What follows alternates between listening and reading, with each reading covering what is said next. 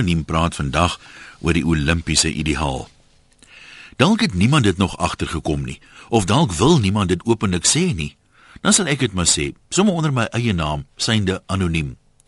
Die Olimpiese spele faal in die bereiking van sy eie ideaal. Baron Pierre de Coubertin, vader van die moderne Olimpiese spele, was 'n Franse opvoedkundige met 'n bewondering vir die antieke Grieke. Sy studieveld was die rol van sport en opvoeding. Vir hom het dit nie oor wen gegaan nie, maar oor die deelname self. Soos in die lewe het die klem geval op die stryd tydens die deelname eerder as die uiteindelike oorwinning. 'n Mens kan wel die Olimpiese motto hiermee versoen: vinniger, hoër, sterker. Ons almal streef tog daarna om die lewe se uitdagings te oorwin deur onsself voortdurend te verbeter. Ons leer deur ondervinding en ons raak beter. En al wen ons nie, oorleef ons darm. Vergelyk nou hierdie mooi ideaal met die pas afgelope Olimpiese spele.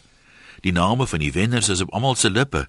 Usain Bolt word 'n legende in sy eie tyd genoem. Met reg, maar onthou iemand die name van die ander deelnemers in die finaal? Almal juig oor ons medaljewenners, maar as Bridget Hartley 'n paar honderdstes van 'n sekonde stadiger was, was sy nie op die podium nie of het ons roeispan nie goud gewen nie. Is jy trots op ons ander atlete ook wat nie vir die finale ronde se kwalifiseer het nie? Dalk is ons as loyale Suid-Afrikaners, maar die feit dat die beloning en die maar dis 'n feit dat die beloning en die prysgeld drasties verskil tussen net deelneem en wen. Borge staan tou by die wenners, nooit by die amper wenners nie. In jou persoonlike lewe werk dit gelukkig nog anders. Ouers kraai nog van plesier as 'n baba sy eerste wankelrige treetjies gee. Al is dit geen groot prestasie nie. Alle babas kry dit tog een of ander tyd reg.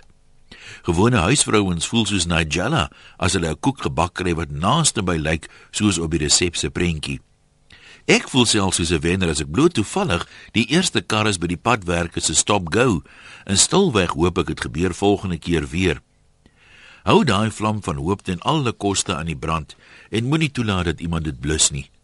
Die Olimpiese ideaal lewe nog binne in ons, maar by die spele self, ikona. Groete van oor tot oor, anoniem.